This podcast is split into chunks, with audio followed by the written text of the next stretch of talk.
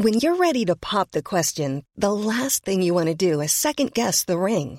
At Bluenile.com, you can design a one of a kind ring with the ease and convenience of shopping online. Choose your diamond and setting. When you find the one, you'll get it delivered right to your door. Go to Bluenile.com and use promo code LISTEN to get $50 off your purchase of $500 or more. That's code LISTEN at Bluenile.com for $50 off your purchase. Bluenile.com code LISTEN. Everyone knows therapy is great for solving problems, but getting therapy has its own problems too, like finding the right therapist, fitting into their schedule, and of course, the cost. Well, BetterHelp can solve those problems. It's totally online and built around your schedule. It's surprisingly affordable too. Connect with a credentialed therapist by phone, video, or online chat, all from the comfort of your home. Visit betterhelp.com to learn more and save 10% on your first month. That's BetterHelp H E L P. Burrow is a furniture company known for timeless design and thoughtful construction and free shipping, and that extends to their outdoor collection. Their outdoor furniture is built to withstand the elements, featuring rust-proof stainless steel hardware, weather-ready teak, and quick-dry foam cushions.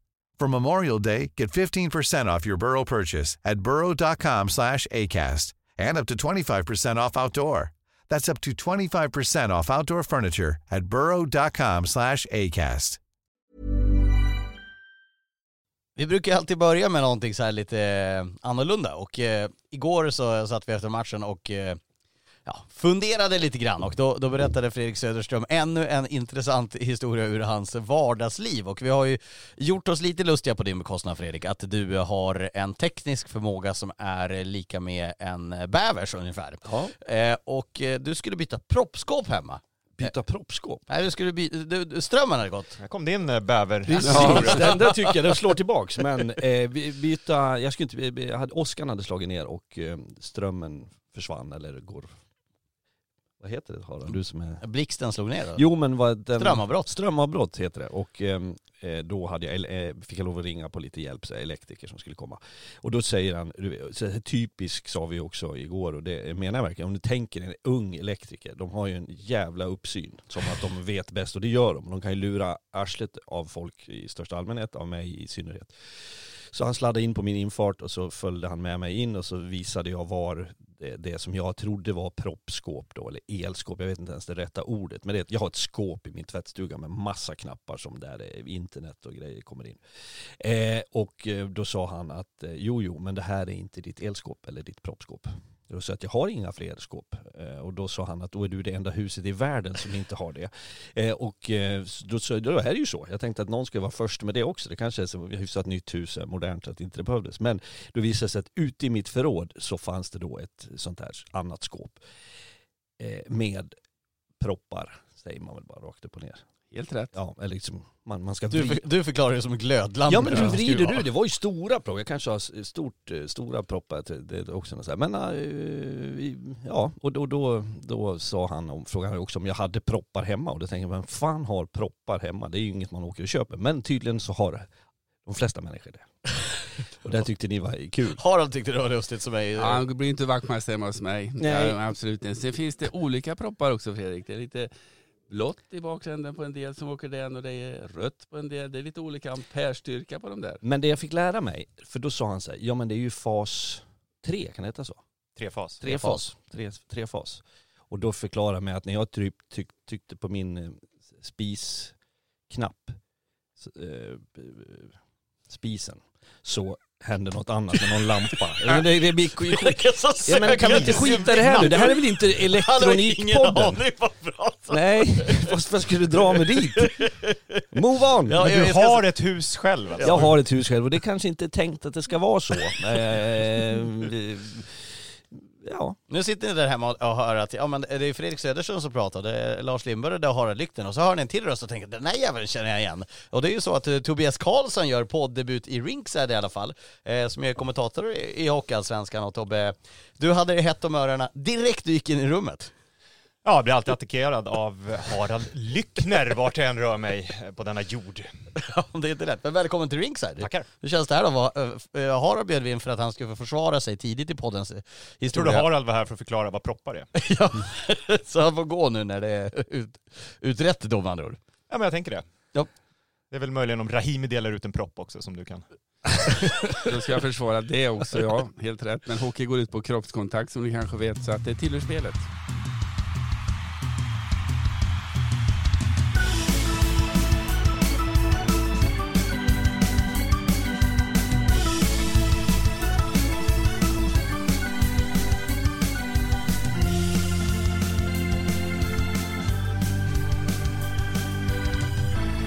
Och med det så välkomnar vi till ett nytt avsnitt av Ringside som är mitt uppe i eh, finalspelet mellan eh, Björklöven och HV71. Vi har dessutom två finalklarade lag i SHL som vi tänkte att vi ska prata lite grann om och dessutom det steketa kvalserien om vilket lag som ska ta sig till eh, Hockeyallsvenskan. Och eh, jag tänkte då med tanke på att eh, Tobbe, du är eh, först med här då, tänker jag så här, vad, vad, vad såg vi för match igår egentligen i Umeå? Ja, vad såg vi? Vi såg eh, väl ändå ett Björklöven som jag tycker kommer ut ganska starkt och, och bygger vidare på det de hade i match två och pressar HV och HV eh, står för lite misstag. Eh, och sen kommer den där tunga maskinen som vi på något sätt har lärt oss att se den här säsongen eh, och bara äter sig in. Jag tycker du är på rätt spår. Eh, och det, det som är intressant tycker jag som man ska ta med i värderingen av match tre är ju vad vi såg match två. Eh, och vi har ju full koll på de här lagen efter mycket jobb med dem och den scenförändringen först från match ett till match två och så vänder serien upp till Umeå så, så får man ju förväntningar eller fantasier om hur det ska se ut och jag tyckte det tog vid där. Jag vet inte hur du kände Harald, Nej, absolut, absolut. Den stora frågan var ju hur Filip Larsson skulle klara att axla Gunnarssons mantel i och med att han blev skadad i match två. Och det fick vi ju ett, ett bra svar på för han var en av rinkens bästa spelare och eh, det var nog skönt och tryggt för HV-spelarna att känna att Larsson är på tårna, vi kan lita på honom. Det var ju väldigt länge sedan han stod. De har ju gått på Gunnarsson och det var ju lite om nyckeln att man inte släppte in ett mål, eh, fick ta ledningen genom Forsberg och sen går man ju på det och andra perioden så tar ju faktiskt HV över mer och mer och i, i tredje spelar de ju bomsäker på den ledning de har. Det, blir, det svänger lite i den här matchen, men efter första matchen då tänkte man så här, ja det här är en finalserie som HV kommer att ta är lätt. Det, kände, det var nästan känslan med tanke på att det blir så klara siffror. Sen blir final två, Björklöven gör en eh, jätte, jättebra match, kommer under skinnet på HV71 och då svänger man och tänker att ja, det här luktar sju matcher serie och så sen då efter igår, eh, från andra perioden och framåt så är ju HV klart starkare och, och så svänger det igen och förväntningar och, och förhoppningar i de här olika städerna. Jag bara tänker på det, det du säger Harald, det som sker i första perioden med att Larsson är bra eh, och att man står emot. Då kommer ju den där aspekten in som är så svår att beskriva. Vi kan prata underliggande siffror, vi kan prata siffror på tavlan. Men det mentala i att du överlever, nu, nu är det ett kraftigt ord men man pratar idrott, överlever en sån första period på bortaplan. För att hade det blivit 1-0, 2-0 till Björklöven så förändras så mycket mer. Då kommer den sidan fram, så kände jag i match två i Jönköping, frustrationen som faktiskt kom hos HV. För är det något de inte har varit med om så mycket den här säsongen så är det att ligga under eller åtminstone inte hamna i besvärligheter. Och jag tror aldrig du kan förbereda dig på det förrän det faktiskt sker. Nej, så var det ju match två. De tog, blev frustrerade, tog en massa konstiga, korkade utvisningar. Men som du är inne på, då får ju Björklöven ledningen, de får energi, de får spela på det och då blir ju verkligen HV prövade. Nu, nu hamnar man ju inte i det läget här, men det hade varit intressant om det hade skett. Hur hade de uppträtt i en andra match i underläge? Du drev ju, drev ju den tesen eh, i matchen också Harald lite grann att, att Björklöven känns som ett lag som skulle behöva ha en ledning medan HV kanske skulle klara av att hamna i underläge och ändå vända. Ja, det är känslan man har, men samtidigt gäller det så otroligt mycket. Det är ingen vanlig seriematch. Det är ett slutspel det gäller att vinna och försvinna om en SHL-plats och HV är ju det lag som har pressen på sig. Medan Björklöven gör sin i och för sig tredje final. De vill verkligen upp också, men på något sätt så är ju HV de klara favoriterna. Vart det tyst Nej, det här jag, jag, jag, jag tänkte det, jag, nju, jag, tänkte så här, Njut, passa jag bara sitter tyst. det här Passa kommer inte att hålla länge. Men en annan reflektion jag hade under gårdagsmatchen, det är väl, det är väl den i särklass med flest öppna chanser igår åt, åt båda håll som kommer ur någonstans, kanske där, där hade Stråle sin frustration efter när han var till studion, att Eh, man, man tar väldigt ovårdade beslut i spelet med puck. Man rusar fram och släpper upp. Det är ju dåligt byte som ger en två mot nolla. Man har en, en offensiv chans som leder till en tre mot etta emot sig. Och det där måste ju Björklöven undvika. Ja, det tror jag kom till av att man eh, hamnade i underläge. Man börjar chansa lite grann. Men det jag reflekterar också över det är ju match två. Alltså den andra perioden, det är något av det häftigaste vi har sett i Hockeyallsvenskan genom alla tider. Det small i varenda närkamp. Och resultatet av det var ju ett antal skador. Där Björklöven får eh, både Bodén och, och Rahimi kliver av rätt vad det är. Gunnarsson kliver av, Boom kliver av. Det, det var ju en åderlåtning som heter duga. Och där känns det ju lite grann att HV har en längre bänk om vi säger så. De har fler spelare att tillgå. Och det kanske är det som ger utslag. För nu Det såg det. vi att både Fredrik Andersson och Gerard spelar backar. Ja, och säga vad man vill om det. Samtidigt. De har snart inga forwards kvar. Nej, alla får ju spela back helt plötsligt. Ja, och, och det, det har ju Björklund varit duktiga på tidigare, att ha en men- väldigt bred trupp och kunna plocka in folk. Nu är det HV som har en jättebred trupp, nio backar, 16 forwards vad jag kan räkna det till och dessutom en tredje målvakt som inte går av för hacker som man har registrerat och kliver in. De har liksom tänkt på allt och är förberedda på detta. Och det finns två bra saker med det. Eller två saker som jag tycker är, är jag konstaterade, skickligt hanterat. Ett, man har resurserna i Jönköping att Eh, betala för tillräckligt många bra spelare. Och även om du har det, för det har vi sett andra lag ha genom tiderna, så kommer nästa steg som är det svåra, det är att få folk och spelarna i det här fallet att acceptera det. Det uppfattar jag som att HV71 har gjort på ett jäkligt bra sätt. Man har varit väldigt tydlig från, från dag ett. Man hanterar på ett sånt sätt, om vi, om vi skojar till det så är det nästan så här, det spelar nästan ingen roll vem det är i HV. Om den har magsjuka i två dagar eller ont i ett finger, när du kommer tillbaks så får du ställa dig sist i kön. Det är som i skolmatsalen, man sprang dit, sprang du och pinkade så fasiken nu fick jag lov att ställa mig sist igen i väntan på någon sån här äh, järpar och Man byter in på den ena sidan så får man hoppa efter den här bänken. Nästintill, och det gör ju att du, dels håller du dig kvar, men du har också, du har fått det, för det finns, det finns ett sånt extremt tydligt mission i HV71. Vi ska tillbaka, kosta vad det kosta vill nästintill. Och man har hanterat det på ett bra sätt så här långt. Skolmatsalen, är det den bästa liknelsen här? Kanske inte, men det var den som poppade upp. Jag är lite småhungrig, det kan vara det det beror på. Och det var alltid lite race också, i- eh, när man fick springa för att hinna före eh, klasskompisarna för, först till brickan. Ja men var inte du som hoppade ut genom fönstret och Ja, var men- först i bussen? Nej men vi hade, ja nu ska vi inte komma på det, men vi hade att när man, eh, när man eh, var eh, klar för dagen så åkte vi skolbuss till skolan, det var i mellanstadiet och lågstadiet. Och då låg vårt klassrum på bottenplan. Och då kunde man gå ut genom eh, bakdörren och ut genom ett kapprum och så sända ut på gatan. Men då kommer jag på där, eh, mitt i kanske var sju, åtta år, att det var ju mycket närmare att ta vägen genom fönstret.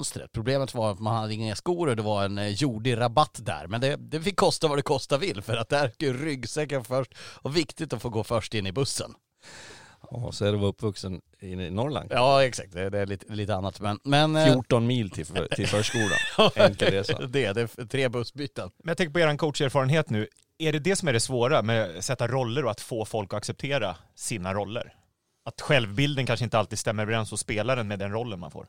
Absolut, en coachs eh, viktigaste uppgift är att hålla fjärdefemman och de som inte får byta om på bra humör. Det är de man måste sitta och prata med, hålla på gott humör och liksom förklara noga hur man tänker. De här som får rubrikerna första femman spelar powerplay, de behöver inte ha så mycket kittlande under, eh, under naveln på något sätt utan de, de mår ganska bra ändå. Men just de här som sitter bredvid, de, de är jätteviktiga och det är någonting som jag lärde mig som spelare eh, vid flertal tillfällen. När man såg bra tränare, då tänkte man så där funkar det. Mindre bra tränare, då tänkte man så där ska jag aldrig göra som ledare. Så man lär sig mer som spelare. Men på, du spelar väl aldrig i en fjärde kedja? Eh, jag Det fanns bara tre då. Eh, OS 1980, då var inte någon av er födda. Ja, Fredrik hade väl blöjor på den tiden, men det var ett exempel där det var Vid in och tre ut års i laget. ålder. Det var lite sen med Ja. Runt 13 Men, men jag ska tillägga ytterligare på, för det, det är ju korrekt. Det är också, jag tolkar din fråga ett steg till och där, där ligger utmaningen för många tränare idag. Det är att hamna i samtal, alltså när du sitter med spelare, att ni hamnar så nära varandra som möjligt i synen på vad spelaren faktiskt har för roll. För det har jag upplevt många gånger som tränare, att jag har tagit för givet att Tobias är på det här sättet, Lars är på det här. Och sen när man börjar samtala så har vi, vi är en ocean ifrån varandra. Du tycker att du ska spela powerplay, du tycker att du är duktig på att bära puck. Jag menar att inte du ska ha den rollen. Och koppla ihop det då med det som sker för framförallt Björklöven nu som, som blir hårdare drabbad av frånvarande spelare. Det är inte bara att du saknar en enskild individ som är duktig. Du har plötsligt någon som ska göra något annat. Eh, och då, går, då, då, då, då börjar du liksom kasta omkring arbetsuppgifterna. Okej, ja men om du får spela back, ja men då får du gå in och ta tek. Ja om han går in och tar tek, ja men då måste du vara den som gör det här.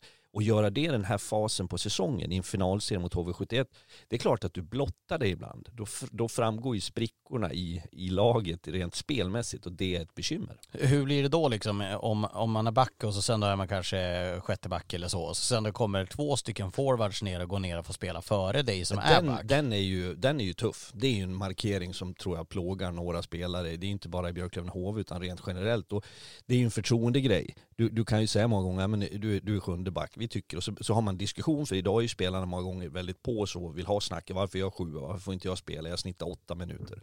Då har man ett resonemang. Sen om du plötsligt någon dag plockar en intern lösning förbi, den, den är ju svår alltså. Jo, jag, jag tycker du resonerar jättebra här Fredrik, just det här att man accepterar rollen och den diskussionen tar man egentligen innan du värvar in en Ja, spelare Ja. under säsong. Så jag tror den här meningsskiljaktigheterna kommer mer till sin rätt under säsong. När du kommer in i ett slutspel som vi är nu, då accepterar alla spelarna det mesta. För då Ja. gäller det här och nu att vinna till Ja. varje pris. Tränaren tror på det här, jag accepterar det. Vi vinner tillsammans. Så att det är lättare i en finalserie som vi är inne i nu att acceptera för Jusila eh, Popovic att, att sitta där än om det hade varit 6 november. Så är det ju. Men är det inte då ett problem, tänker Stråle kom in under säsong så han har inte varit med och satt de rollerna i början på säsongen när spelarna värvades. Nej, han har ju fått ärva ett lag, precis som Metell har fått göra i Färjestad. Men båda de två har ju kommit in med, med, med bra energi. De har tagit tag i problemen och löst många av problemen på ett jättefint sätt. Jag tycker till exempel Björklöven har ett betydligt tydligare, klarare försvarsspel nu. Hur de vinner tillbaka puckar eh, utan att tappa så mycket energi. Eh, det är mer strukturerat på något sätt. Det är känslan uppifrån. Men du nämnde tror jag uppifrån era positioner igår på matchen så pratade ni om Hutchins och då sa du att någonting i stil med att sen Stråle kom in, jag tycker att han har blivit bättre, han har, han har kommit mer till sin rätt. Kan Han var ju snudd på pet, eller han var petad han var det. Och där har du en sån grej som jag tror, du får ju en second chance när det kommer in en ny tränare. Du får ju en chans att faktiskt visa vad du går för. Jag säger inte att det var fel agerat tidigare, för det är möjligt att det kom till en punkt där Wallson då tyckte att ja, men jag får inte ut vad jag, vad jag kräver av Hutchins. Och jag tror att vi i några resonemang också tyckte att de vann några matcher, de stoppade han åt sidan och så här. Men, men, men uppenbarligen har de funnit varann. Och det är vad som kan ske. Det handlar ju också om personkemi lite grann. Att, att eh, jag och någon funkar bättre överens. Vi, vi har samma uppfattning om vad du ska göra. Jag kan locka fram det. Någon annan kanske sitter där och tycker nu att det var bättre förr. Jag spelar 17 minuter i snitt när det var Wallson, nu får jag spela 14. Men uppenbarligen har resultaten tagit rätt riktning för Björklöven. Det handlar ju om att ställa krav. Vi, vi vet ju, för vi pratar ju mycket med Stråle, att de har ju suttit tillsammans. Det gäller att ge och ta. Och när de kommer in som, som ny tränare, då, då måste du ta de samtalen. Och då, då har du ju krav på, på de ledande spelarna. Och då får ju de köpa det, annars får du spela mindre. Men jag tycker Hutchings verkligen har köpt och ställt upp på de kraven som Stråle har ställt på honom. Och då har också blivit en bättre spelare för laget. V- Vad tänker man om läget nu då med tanke på att HV leder matchserien eh, 2-1? Det känns ju som en, eh, en minst sagt avgörande match nu fredag. Att skulle HV vinna då 3-1 när de vänder tillbaka till Jönköping men eh, 2-2 å andra sidan, då är det ju något helt annat. Det är ju en minst sagt viktig match. Och men gårdagen var viktig också, men det är ju samma sak nu att det levereras ju ännu mer nu helt plötsligt. Jag tänkte Tobbe kunde få börja nu. Det är bra att ni får leda in oss på Jag har inte hört Tobbe så här tyst sen Nej, han men- kom i, kom i... Fredrik, jag, jag är chockad. Jag, jag, Alltså, vi, såg vi har åkt bil med de här två herrarna i ja, åtta månader och vi får inte en syl i vädret du och jag. Nu sitter de och är tysta. Vad An, hänt? andaktsstund Ja. här i... Jag ska vara helt ärlig och säga att jag, jag kollade på ett sms på telefon så jag hörde inte din fråga. Och, tänkte, Jag och sen, förstod att det och var så ser någon jag att du Fredrik pekar på mig. Jag tänker, ska jag? Nej men då, tar- då startar jag Ja, det. det är du resonemanget kring 2-2 eller 1-3. Ja. Så här är det ju väldigt enkelt nerkokat. Nu låter jag som eh, inte någon... Nej, det är väldigt enkelt eh, svar ska jag ge. Vinner HV71, ohyggligt svårt för Björklöven att vända på det här. Så det är ju en måste-match vill jag påstå på fredag. Jag håller med dig. Björklöven måste vinna här hemma annars så ska man alltså vinna resten i stort sett och då är två av de matcherna i Ja, Jönköping. tre av tre. Ja, Ja, de ska vinna, tre tre. Bara två i Jönköping och det känns som en väldigt, väldigt tuff uppgift. Vad, vad känner vi om, eh, om det här då? Det är ju otroligt polariserat. Vi pratade om det här efter sändningen Harald igår, att tonläget mellan fansen har ju börjat skruvas upp. Att eh, HV-fansen kan bara inte förstå hur Rahimi får hålla på som han gör och eh, i Björklöven-läget så kan man bara inte förstå hur Torp får hålla på som han gör och det här, det känns som att i grundserien så är det lite sans och balans. Nu är det noll balans och folk är vansinniga på Rahimis skott efter slutsignalen igår. Det är på någon tackling som Torp gör i första perioden och det eh, samma sak nere i Jönköping i match två och till fler och fler och fler och fler och fler. Det här eh, det, det är känsliga Folk är ju arga. Ja men det är ju det och de tycker att det är helt otroligt hur domarna inte kan eh, se vad deras Ja, men, motståndare gör. folk, folk blir ju arga på oss. Ja, ja. Mm. Fråga bara Harald, berätta om den där eh, knodden, lilla ungen som skällde på dig igår. Nej men alltså det, det är ett stort engagemang och nu gäller det ju så mycket så folk går ju bananas. Och vad Fredrik och jag eller ni två säger så, så vinklar de det åt fel håll. Alltså jag hinner inte in här i hallen för en, en liten knatte kommer fram och skäller ut mig för jag inte tar parti för Björklöven i, i tacklingen på Baudin och han tycker att jag håller på HV. Jag hinner ju inte in i Jönköpings stadsgräns förrän de på mig. Varför pratar du så illa om HV hela tiden? Du håller på Björklöven. Och jag har ju varit med ett tag och det är likadant varenda slutspel alltså. Eh, värst var kanske Mora-Leksand tre år i rad där när man möter möts sju matcher. Då, då, då blir det mycket och vi kan ju faktiskt inte påverka Inte resultatet ett smack. Erik. Vi måste ju säga vad Nej, vi tycker och absolut. vi kan inte vara alla till lags. Nej. Vi har en uppgift och att alla ska hålla med oss. Det är ju en utopi. Men det så, kanske- så funkar det ju.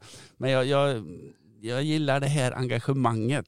Det, det visar ju bara att man ja, är beredd att göra allt för sitt lag och hjälpa till på alla sätt. Det är någon patriotism naturligtvis. Du håller på ditt lag och då blir du färgad. Du ser den där smällen är inte lika ful om din spelare delar ut den som att motståndaren gör det. Det hör ju till.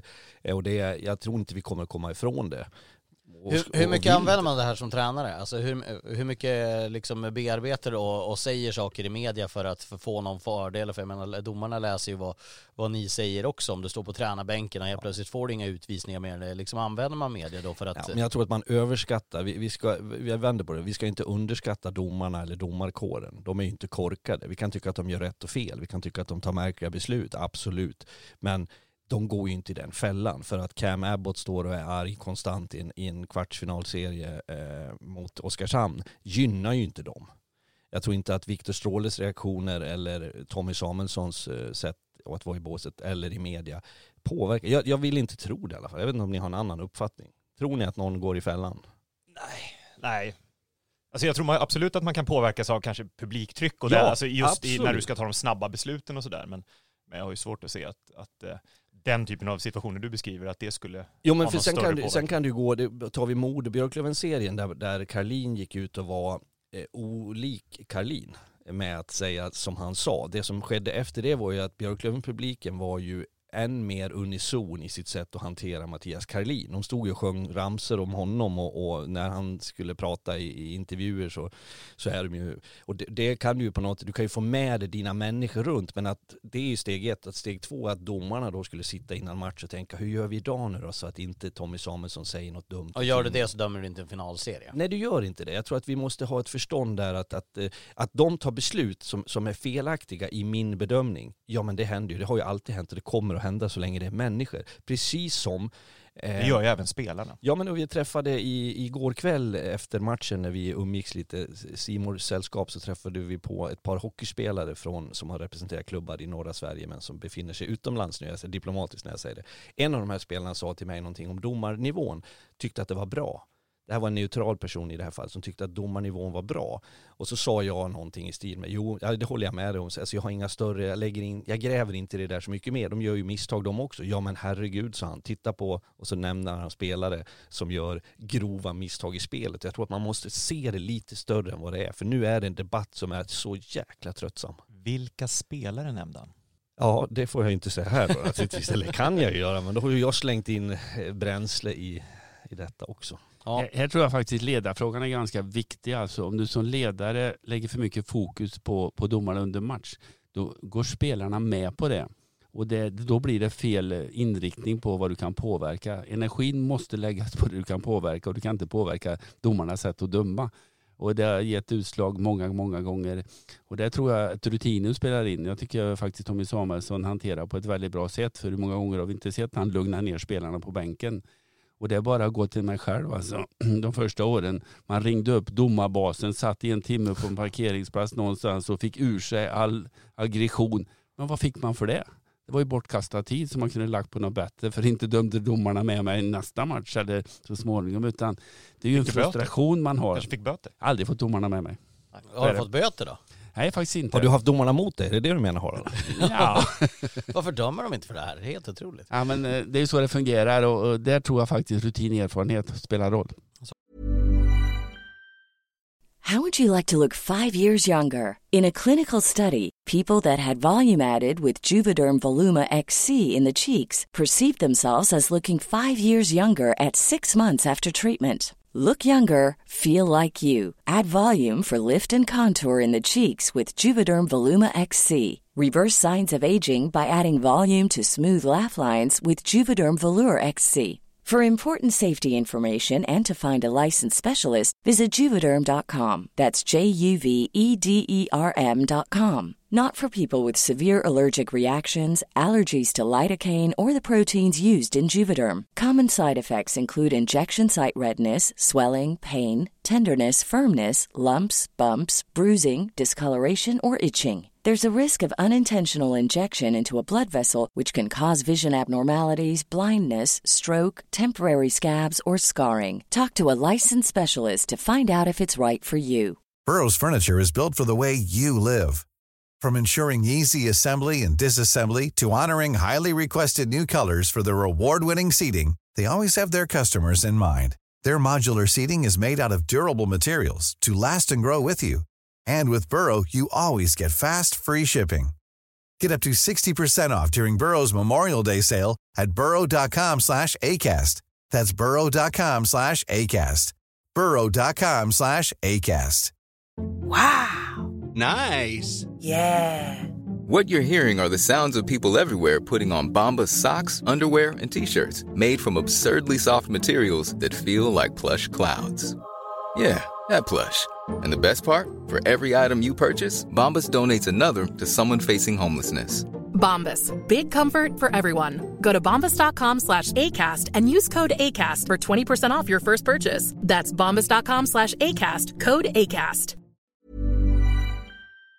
Var det. Eh, vad ser vi mer i den här matchen? Om vi kollar på ett HV71 nu då, eh, när eh, helt plötsligt Filip Larsson kommer in då, då är frågan då, han lär väl få fortsätta stå nu, eller inte flytta på honom för Adam Åhman efter den där matchen? Nej, nej. Nej, nu har ju han visat att han håller. Sen är det en match, absolut, det går att vara cynisk och säga att vi vet inte sen, men skulle förvåna mig enormt om han gjorde någonting. Nej, där. nej, nej, finns inte en chans. Men ändå en trygghet för, för både han själv, Larsson, och även för alla HV-fans och för Tommy Samuelsson och Stillman att ha en sån backup på bänken. Det, det måste ju kännas jättebra. Men det gäller väl båda lagen nu? Absolut. Eh, Björklöven lär väl inte skifta på målvaktssidan heller, även om det trillar in en del puckar. Bottalainen fick pris som bästa spelare i, Löven igår, välförtjänt. Ja det var väl även i match två, så han har ju Ja, släppt upp två riktigt bra matcher. Och det är ju heller inte någonting som förvånar oss att det är bra målvakt. Alltså kalibern på dem är bra Eh, när man är i final. Det är nästan till en omöjlighet att sladda upp dit om du hade dåliga målvakter. Björk, Björklövens powerplay är en annan grej som har blivit en hel potatis. För När HV gör sina mål där Fredrik Forsberg kliver fram, han hittade ett mål i powerplay igår också när eh, Carl Johansson topp, tappar den markeringen. Men Björklöven fortfarande utan mål i powerplay i finalserien och jag menar, nu, eh, nu börjar det vara en het potatis för det, det här är din käpphäst har du. Du kan ju säga det att det finns ju fem nycklar, att ledande spelare ska vara bra, ja du kan ju dra dem själv, det målvakten måste vara bäst och special teams och hantera sjukdom och skador. Eh, hantera sjukdom och skador får man göra nu allt eftersom, men powerplayet brukar ju vara en nyckelroll i en sån här finalserie och Björklöven har ännu inte gjort mål där. Nej, glöm inte bort boxplay.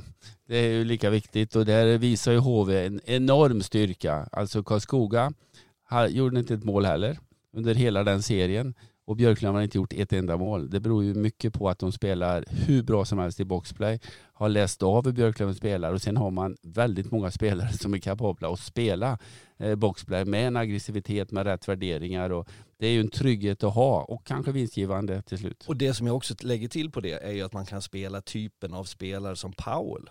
Eh, som inte är född till fysiskt att vara den som förr pratar man, då kanske man petade in, om jag eh, förenklar nu, så petar man in några stora rackare som skulle stå still nästan och hålla på utsidan och kanske ta ett skott och komma i vägen. När man spelar som HV71 gör i sitt boxplay med den här eh, aggressiviteten, stressen så har de ju gudomliga spelare för att göra det och det ritet vi hade efter matchen igår som paketerade lite grann HV71 i matchen är ju talande hur man vinner teken i egen zon. Mattsson går fram med puck, inte bara skickar iväg och byter utan de vågar hålla puck och så fort att Björklund får tag på den så sätter man press. Och den här stressen har kanske inte Björklöven varit van med på samma sätt. Jag tycker inte att man varit utsatt för det genom kvart och semifinalserie. Nu är de där konstant. Men om ni står på Lövenbänken nu då, i en sån här finalserie, hur mycket kan man skruva på det här för att komma åt ett bättre powerplay? Nej, de måste hitta på något nytt. Eh, nu, nu spelar man nytt i triangel med att Olle Liss ska skjuta, Fischer ska skjuta, man har Ottosson på andra sidan som också är en, en bra skytt men eh, är ju spelfördelaren. Eh, eventuellt flytta ner spelet bakom mål, bakom förlängda, söka instick som de har gjort tidigare. Då stod Fredrik Andersson i slottet och gjorde en hel del mål. Man, man måste försöka överraska, överrumpla HVs eh, box här nu med något helt nytt inför kommande matcher. Och om jag ska lägga till några saker till att man kanske inte, nu upplever jag det som att Björklöven eh, tar god tid på sig att ta sig från egen zon, man ska ta sig in i offensiv zon, man ska sätta upp innan man ska börja agera. Det är nästan så att Björklöven skulle behöva få ett fly, mer flygande spel, att du kanske till och med gick på en attack i en första våg så att du ställer till det för HV71. För nu dikterar de villkoren lite grann. Och sen att man det här enkla sättet som låter så klyschigt, men du måste få ner puckarna på ett annat område och då kanske bakifrån mål kan vara ett alternativ för att få in den framför. För du måste få dit den så att du får en strid mellan HV-spelare och Björklöven-spelare för då blir det det här lite oberäkneliga och oväntade. Nu blir det för statiskt på något sätt. Titta på, på HVs mål igår, som Forsberg gör. Ja. Det, det är inte uppställt utan Nej, nej. det blir av en kaotisk Tryck på tryck situation. på tryck. tryck på tryck. Till slut hittar eh, Shinkara och Forsberg som har klivit in helt fri i mitten. Man är en man mer, en blir över. Där står han bara pangar in målet. Men att de måste göra någon förändring, det är ju ganska givet. Men jag tänker i en sån här finalserie, hur, som coach, hur lätt är det att få spelarna att hitta de här förändringarna? Det som jag skulle säga där, till- eller tänkte när du tog upp det. Stefan Öhman är ju den som, som älskar att vrida och vända på det här i, i som nu har klivit från fystränarrollen till assisterande och har väl eh, special team på sin lott hos Löven. Var ju även den som ritade upp när de skulle spela 6 mot 5 Ja, till och, exempel. eh, och det, det ligger på hans ansvar och han, eftersom jag har tränat honom vet jag hur mycket idéer han hade då. Då var det till och med så att jag blev trött på honom ibland för han kunde komma och säga en morgon att ja, jag, jag såg ju eh, Nashville i natt eller jag såg Calgary göra så här och jag fick säga ja men det är Calgary, vi kan ju inte göra så här. Men, men han, så han är full av idéer. Så jag tvivlar inte på att videon går varm. Man tittar på bilder, filmer från igår, man försöker analysera hur skulle vi kunna få en förändring, kan vi få platsbyten? Och det är ju de detaljerna som säkert är eller som är ganska spännande och fräcka. Och jag är ganska övertygad om att man på värmningen imorgon, för jag gissar att man har en day off mer eller mindre idag, kanske en sån här optional träning, eh, frivillig idag alltså. Men att man imorgon har någon idé som man vill bräcka boxen med. För man måste ju det. Man måste det. Ja, å andra sidan så, så varje gång jag ser Termell så sitter han också med, Ja, med ja, ja. laptopen uppe och de, de sitter ju och vrider och vänder lika mycket på hur de ska kunna förändra, överraska och attackera. Så det är lite hjärnornas kamp här. Vad kommer att hända? Och sen får man ju då inte sitta fast vid det man har bestämt utan läsa av vart matchen leder på något sätt och beredd att göra förändringar under matchens gång. Och det är ju det Kalin Mm. stora styrka är. Så att han har den blicken för spelet och nått framgångar i Västervik och, och nu i Modo. Men just att ta rätt beslut i en period Ja. till och med. Och det skulle bara sista för att avsluta powerplay. Det handlar ju så oerhört mycket om självförtroendet också. Och där vet vi med Björklövens eh, bekymmer nu att då tvivlar man ju när det blir ett powerplay hos HV71 om jag vänder på det som har varit väldigt framgångsrika på, det, på den punkten så flyger man ju ut på isen. Man hoppar ju, man vet vilka som är första PP men man vet att vi, vi, kommer, vi kommer ha en sannolikt stor chans att göra ett mål. Jag vill vara på isen. Du tar teken, jag här, sen, sen löser vi det så här. Och det är ju det mentala i det hela som är så svårt att komma åt. Att, att det som för en viss period under säsongen är så vansinnigt enkelt blir så omöjligt plötsligt har ju en mental aspekt också. Kalvar på grönbete versus Bambi på hal is. Något sånt. Ja, men nu ska vi också komma ihåg att det är de två bästa lagen som möts. Så det blir svårare och svårare att överraska och, och göra bra grejer för att eh, båda två är väldigt duktiga på att försvara sig, hitta på nya lösningar och ja, två bästa lagen. Vad, vad är känslan då? När vi, det, det här är alltså efter match tre vi spelar in det här. Det är torsdag idag. Vad är känslan inför, inför fortsättning då med tanke på att det är en ny match fredag? Vad, vad känner ni inför det som komma skall? Jag säger så här enkelt. Hade Björklöven, den här matchen igår, match tre alltså, den har en enorm betydelse. För den hade förändrat så många aspekter i det med att man har fördelar, man har trygghet, man har en extra chans. Björklöven hade behövt vinna den för att kunna utmana på allvar. För jag står fast vid att HV71 är klara favoriter, att man har en bredare trupp, det går räkna upp en mängd faktorer. Då hade man behövt vinna match tre. Det gör man inte. Nu är det betydligt svårare. Nej, jag håller med Fredrik. Eh, de studsar tillbaka rejält här HV trots att det var svårigheter i första perioden. Men det visar ju bara vilken trygghet man har i gruppen, tron på det man gör, att man har det tålamod som krävs. Så att eh, för mig är fortfarande HV väldigt stora favoriter. Jag bara slänga in ett men, det är så skönt att få göra det. Men ja, vi lär oss ju aldrig vi lär oss aldrig. Efter match ett så var vi så övertygade om att det här blir fyra raka segrar för HV71. Och sen är vi med om match två och plötsligt så är hjärnan helt skruvad. Man färgas något enormt av den senaste prestationen. Man gör ju det och den här fällan är inte vi de enda som går i. Det är ju en del av skärmen med idrott att du drar slutsatserna för tidigt. Då lägger jag in ett men också. Jag hade ju förmånen, fördelen att göra en serie för x antal år sedan mellan Leksand och Modo. Ja. Där sa vi också, slog fast att Modo kommer att göra det här lätt. Alltså Modo var bättre i 20 av 21 perioder men Leksand vann matchserien ja. med 4-3. Och det är det som är tjusningen med vår sport, att det blir inte alltid som man tänkt sig och det är inte alltid det laget som för spelet som går segrande ur det hela. Det, det, fick vi inte minst lära oss på, vad var det då? Tisdag kväll när eh, de som eh, valde att eh, se matchen mellan Färjestad och Rögle. För vi kan väl gå in också på att vi har två finalklara lag i SHL där det blir alltså Rögle eh, som eh, åker ur och det innebär att Färjestad spelar final mot eh, mot Luleå. Eh, vi kan ju börja då med den serien, för den matchen var ju häpnadsväckande. Snack om den matchen också hade så mycket som allt som går att ta ur en hockeymatch. Ja, det kan man väl lugnt påstå. Svängde åt alla håll varit en väldigt lång sista match också, fem perioder innan det avgjordes. Så det var ju faktiskt Färjestad det spelförande laget och det bättre laget. Men eh, ett par misstag i slutet på matchen höll på att kosta dem segern. Stötte de tillbaks med, med Wiksten som gjorde 4-4 24 sekunder efter att Rögle gjort 4-3 och det var nog tur för, för Färjestad för att åka ner till Ängelholm med en sjunde avgörande match. Det hade varit tufft. Men man höll ju på att ställa till det själv genom djup på tre av de här fyra målen. Jag tycker det har varit ett underbart slutspel generellt med ja. fantastisk hockey, men framför allt otroligt bra tryck på läktarna. Eh, och det hade vi verkligen, har vi inte haft nu de senaste åren. men är det inte det någon var... kompensation att folk går man ur ja. huset? För nu, nu, upplever man det här som man tycker Alla att lador ja. är ju, känns ju nästan som att de får lyfta taket. Och det känns som att supporterskarorna, de, de samlade, har skruvat upp sina förberedelser och sätt att agera på. Och gemene man är mer öppen för att dra på sig en matchtröja, för att ha den där sjalen, för att verkligen bjuda till. Jag tycker att det är, det, det, all cred åt det. Och för det i sin tur ger ju bättre hockeymatcher. Eh, jag menar ni som jobbade, jag var tränare under den här perioden själv när man inte fick ha publik och vet hur vansinnigt svårt det var. Eh, när jag var i Schweiz, när vi tog time-out i slutspelet så fick vi ha folk som stod och eh, lät för att inte motståndarna skulle höra vad vi pratade om på timeouten. I, idag så, så, är det en omöjlighet. När jag tittade igår på matchen i båset hur, hur de kommunicerar. De skriker ju som de är alldeles blå i ansiktet för att de ska höra varandra. Jag tänkte bara på matchtröja och sjal. Ja, med halsduk. Chalett eller sjal. Jag undrar också lite grann, för du var ju med också när man planerar sen, du är också producent eh, utöver att du är kommentator.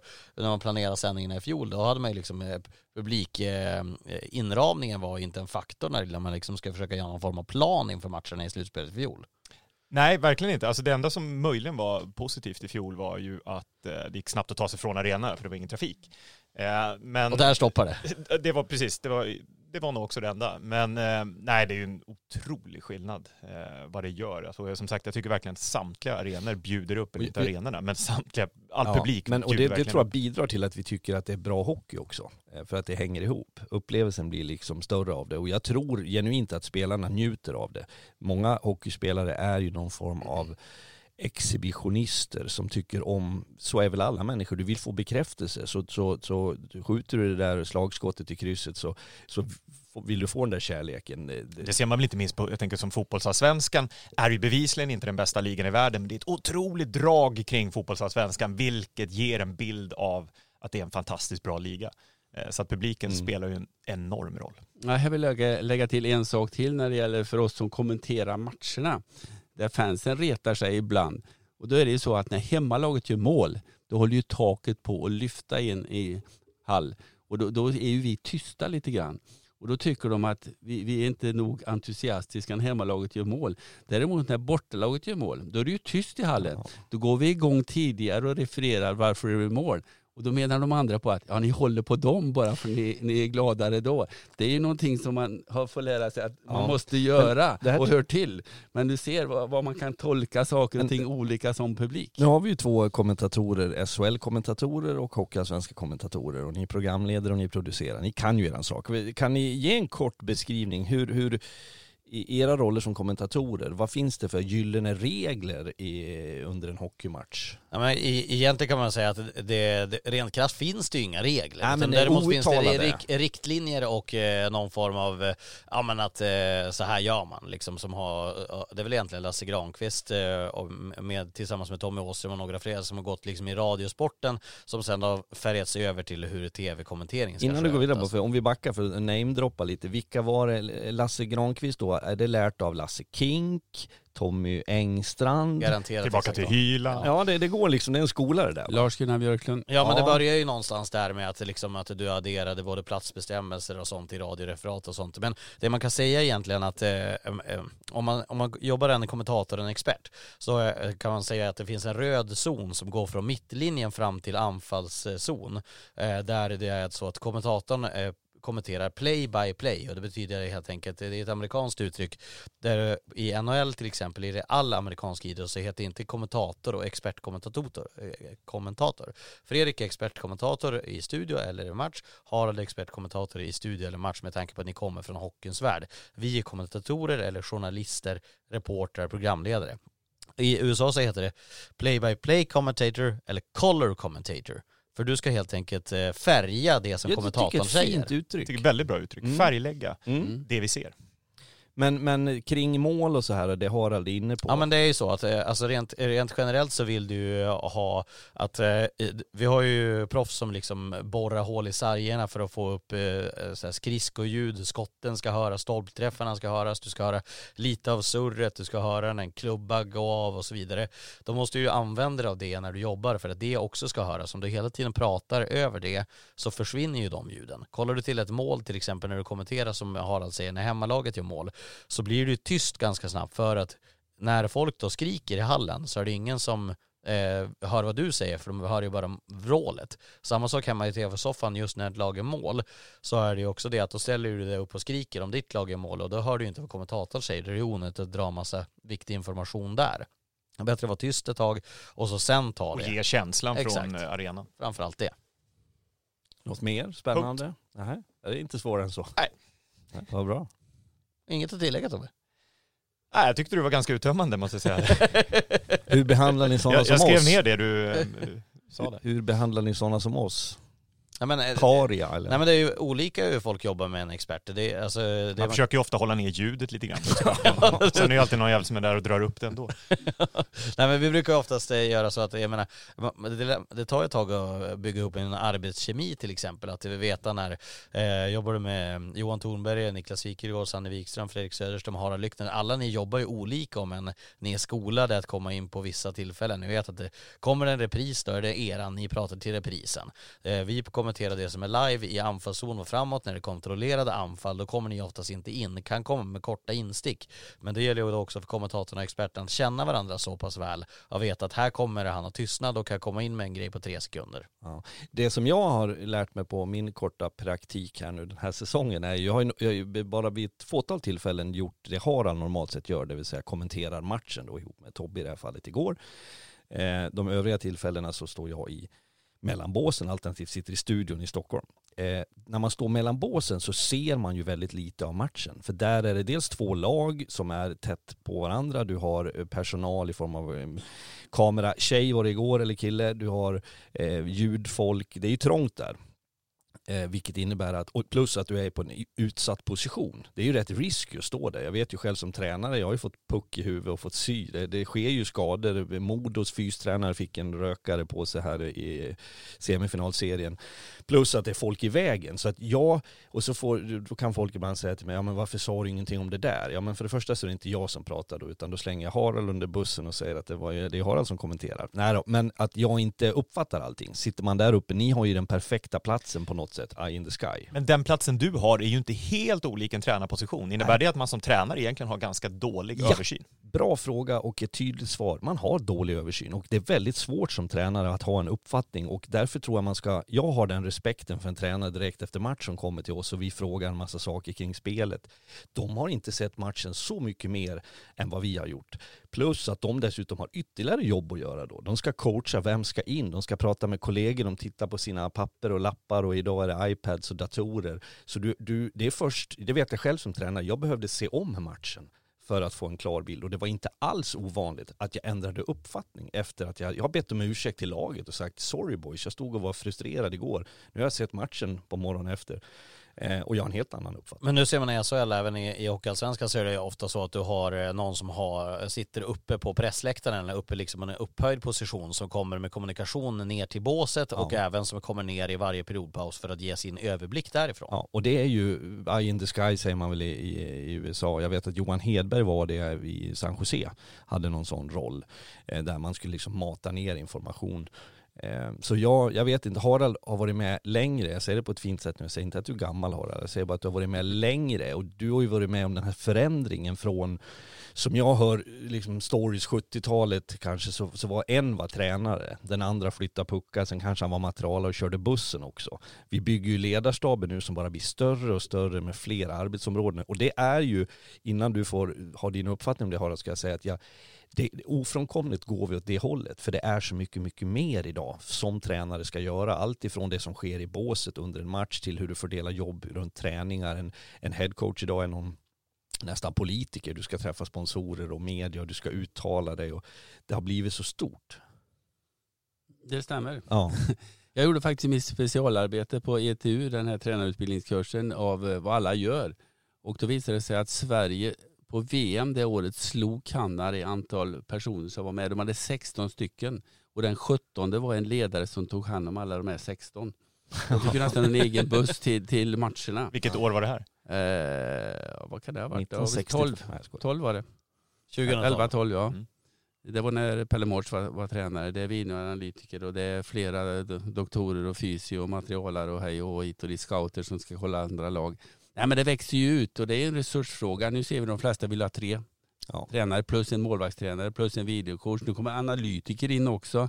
Så det är en väldigt stor apparat som ska hjälpa till att eh, vi är inne på detaljnivå nu ja. alltså. Och är, det, är det lättare att ta beslut då? Eller blir det svårt? får man för mycket information? Ja, eller, det, eller? Det, det, finns en risk med det. Det är att du, du inte längre går på eh, intuition eller känsla. Och jag, jag förstår ju att ställer du, ställer du det mot fakta Eh, Eh, jag kan ju, tillhör ju dem, trots att jag i sammanhanget är relativt ung, så har jag... I vilket sammanhang tänker du då? I branschen som tränare om jag säger så. Eh, och så, så, har jag en fot på båda sidor. Jag kan tycka om det här tydligare ledarskapet som var förut, att det var en klar chef som bestämde, som tog beslut, som stod för besluten. Ibland blev det rätt, ibland blev det fel. Det börjar gå åt ett håll att du ska sälja in en massa idéer och tänk och fakta till någon som ska ta ett beslut. Och då är det så oerhört viktigt att den här eh, gruppen av tränarna har en eh, samma, att det finns en lojalitet så att man inte slänger in saker och ting där för att det ska gynna mig, jag har hand om backar, det här passar mig bättre om det funkar på det här sättet, utan det måste ju vara för, för en och samma anlednings skull. Vi ska vinna, vi ska vara så bra som möjligt. Ja men det har ju gått så långt så att headcoachen idag är en form av manager som man har i ja. fotboll. Han blir arbetsledare och så får han information av, av assisterande tränare, videokort, bla bla bla, hit och dit. Och det är ju en mängd information. Då gäller det för honom att koka ner det här För att spelarna är inte mottagliga för tio punkter inför match. Utan du måste ta de kanske tre, fyra viktigaste och sen sluta där. För för mycket information, då blir det kaos i huvudet och att tänka där ute. Och det du inte har lärt dig efter vad de spelat nu 70 matcher, då, det lär du dig inte nu utan det måste sitta i ryggmärgen. Vilken coachroll tycker du bäst om? Den som var lite mer förr eller den som är nu? Måste ju anpassa sig till verkligheten. Eh, Allt var ju inte bättre förr. Det var en himla skillnad när jag började som tränare hade ett SHL-lag 1989. Då var jag ensam tränare. Min assisterande jobbade på Värmlands Folkblad på den tiden. Kom ut, fick en lista i handen. Vad ska vi göra idag? Vi hade ingen sportchef utan det var kanske tre anställda på kansliet. Det funkar så då och sen har det bara byggts på hela tiden och det vi är idag det, det är ju kanske inte slutet vi ser utan det byggs vidare och, och det är ju bara så samhället ser ut. Jag skulle säga så här, skulle jag ta ett lag igen nu, skulle jag bli tränare så skulle jag inte göra det mindre än att vi är tre. Eh, alltså vi, vi, jag, jag har gått åt det hållet till i någon slags känsla att jag behöver eh, ha fler, för det, det, går, det går inte att hålla emot längre i det. Men jag skulle säga en sak också, att det, jag var med om det när jag var, vi var tre en säsong i Oskarshamn, så var jag jag gjorde många misstag eh, redan då. Eh, ett var att jag upplevde att jag behövde backa undan från ansvar för att jag trodde att det var så jag skulle delegera, att jag skulle låta mina kollegor få bestämma saker och ting. Men det resulterade i en otydlighet och då var det en spelare, Arsi Pispanen, Anarki, som var länge. Ja men någonstans blev det otydligt och han sa så här till mig vid ett tillfälle där vi hade svajat att vem är det som bestämmer egentligen? Ja men det, det är ju jag, det är jag som tar det fulla ansvaret. Ja men då måste du visa det. Då handlar det om beslut i situationer där det kanske blev, vi står och tittar på varandra, ska vi ta målvakt, ska vi inte? Ta, jag frågar han, han tycker, den andra tycker inte. Och det kan jag ångra. Och även när jag har jobbat som, tillsammans med en kollega bara, att, att när man jag jag kan ju ha en känsla som jag måste gå på. Jag tror att det här, du, du kan leta fram hur mycket statistik som helst, men min erfarenhet som tränare är i alla fall att ibland har du en så stark övertygelse om någonting du ska göra, gå ner på folk, plocka bort en gubbe, ta in han från bänken, plocka målvakten. Lita på det, gå på det, så kan du också motivera varför. Det blev fel men det var min känsla, eller så blir det rätt. När det är för många kockar så är det så lätt att du tar saker i beaktande. Men han sa, jag såg ju på paddan i paus att, och då har du liksom kladda bort dig själv. Det tror jag kan vara ett problem. Har ni kört Säpo-stilen då? Att, har ni stått där på, på bänken med öronsnäcka?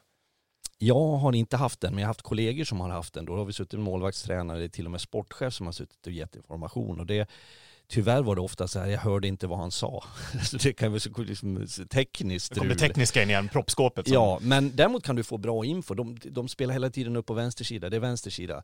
Det är där du har svårt att se när du står i höjd med isen. Så det är klart att du kan få hälsosam information, det är jag övertygad om. Men tar du beslut utifrån den informationen du får där och då eller väntar du kanske snarare till en paus? Man plockar ner videocoachen med är i lättare, pausen? Det är eller? lättare, men sen kan du hamna i ett skarpt läge naturligtvis. Att du, du, du måste ta ett beslut här och nu. Det är en tredje period och då får du ju lita på det där. Och då, då kommer det andra svåra. Vi har ju ett exempel som jag vet inte hur uppmärksammat det är i media, men det är en finalserie nu mellan i, i Schweiz mellan eh, Rickard Grönborgs Zürich mot Dan Tangnes Zug som var 3-0 i matcher till eh, Zürich som nu är 3-2, det bästa av sju. Och där i någon, om det var första finalmatchen tror jag, så hade Eh, nu måste vi tänka så att jag säger rätt ordning här. Va? Då har SOG ledningen. Eh, det, det blir ett sent, eh, sen kvittering från eh, Zürich var på Dan Tangnes väljer coaches challenge där.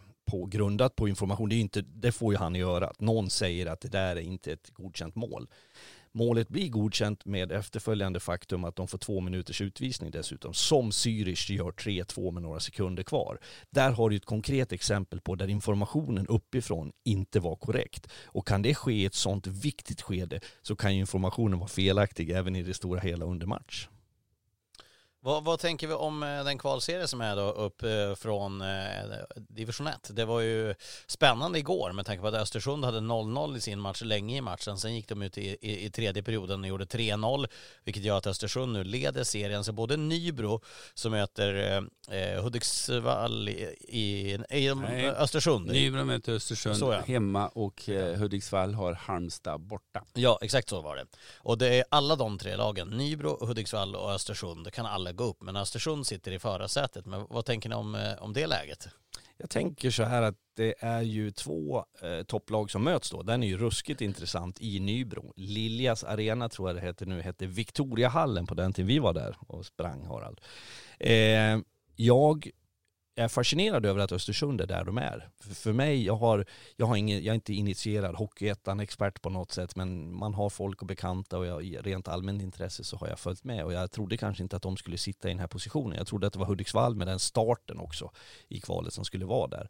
Så det är ju ganska tydligt, men med det sagt menar jag att, att Östersund ska till Nybro. Det är svårast tänkbara sista match medan Hudiksvall då sitter, då kommer vi in på det kvalserie dilemmat som du har debatterat genom åren Harald med dig Tobbe bland annat.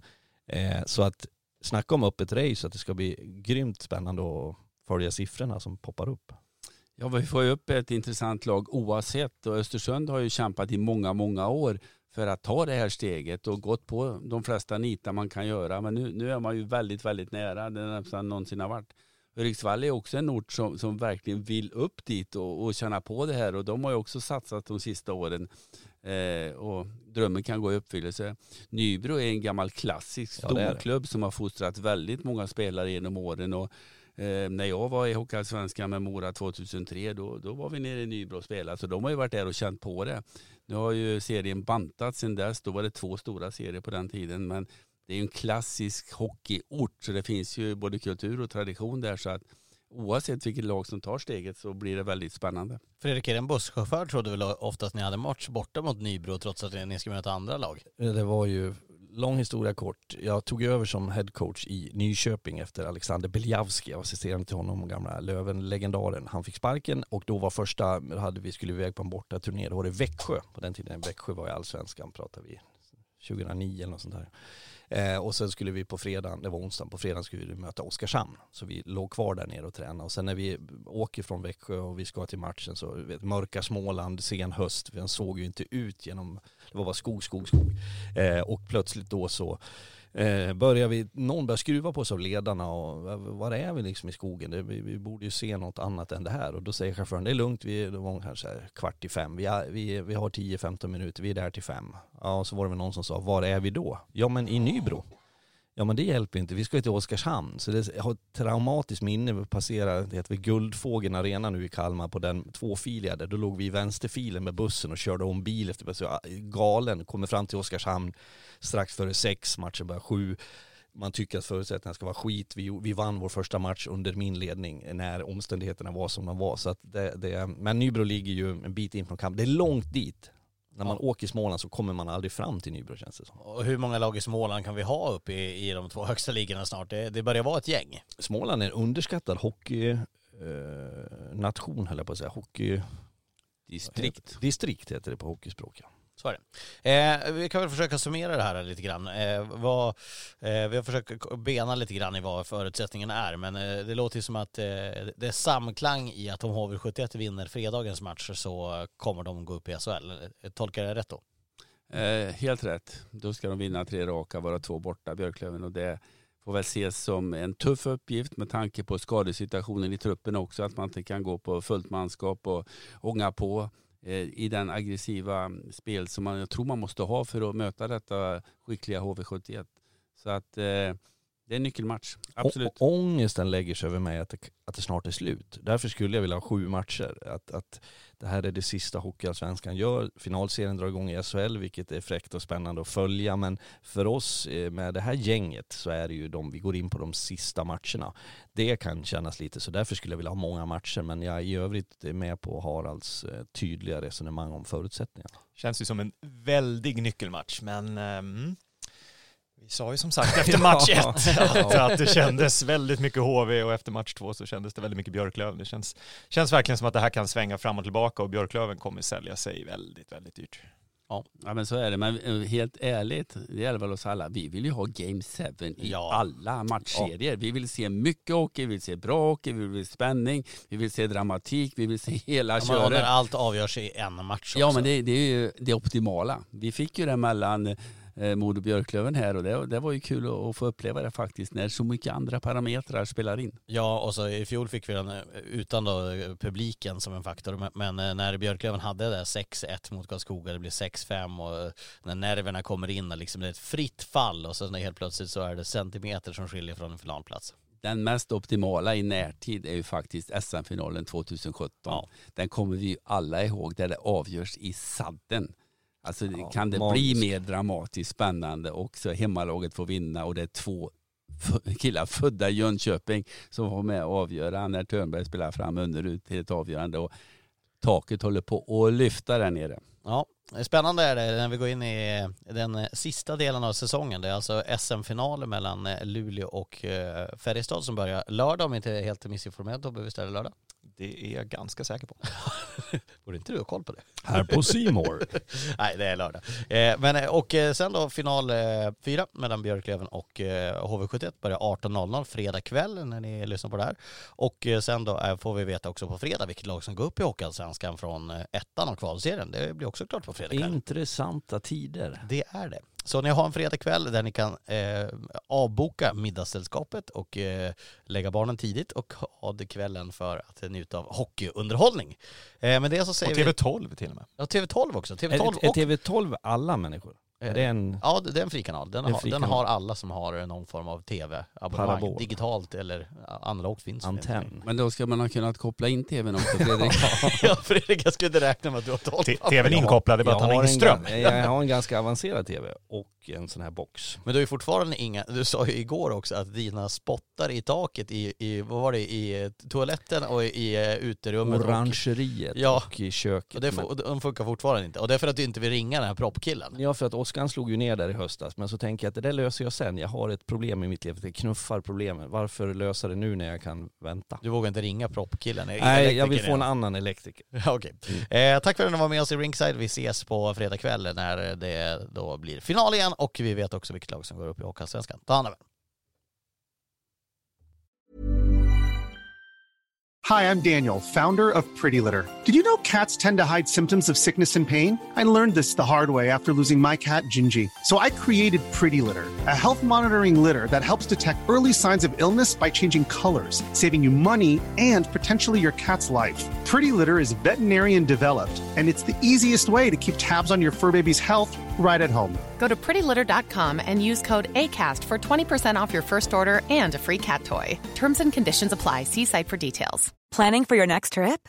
Elevate your travel style with Quince. Quince has all the jet setting essentials you'll want for your next getaway, like European linen, premium luggage options, buttery soft Italian leather bags, and so much more. And is all priced at 50 to 80% less than similar brands. Plus, Quince only works with factories that use safe and ethical manufacturing practices. Pack your bags with high-quality essentials you'll be wearing for vacations to come with Quince. Go to quince.com slash pack for free shipping and 365-day returns. Mom deserves the best, and there's no better place to shop for Mother's Day than Whole Foods Market. They're your destination for unbeatable savings, from premium gifts to show-stopping flowers and irresistible desserts. Start by saving 33% with Prime on all body care and candles. Then get a 15-stem bunch of tulips for just $9.99 each with Prime. Round out Mom's menu with festive rosé, irresistible berry chantilly cake, and more special treats. Come celebrate Mother's Day at Whole Foods Market.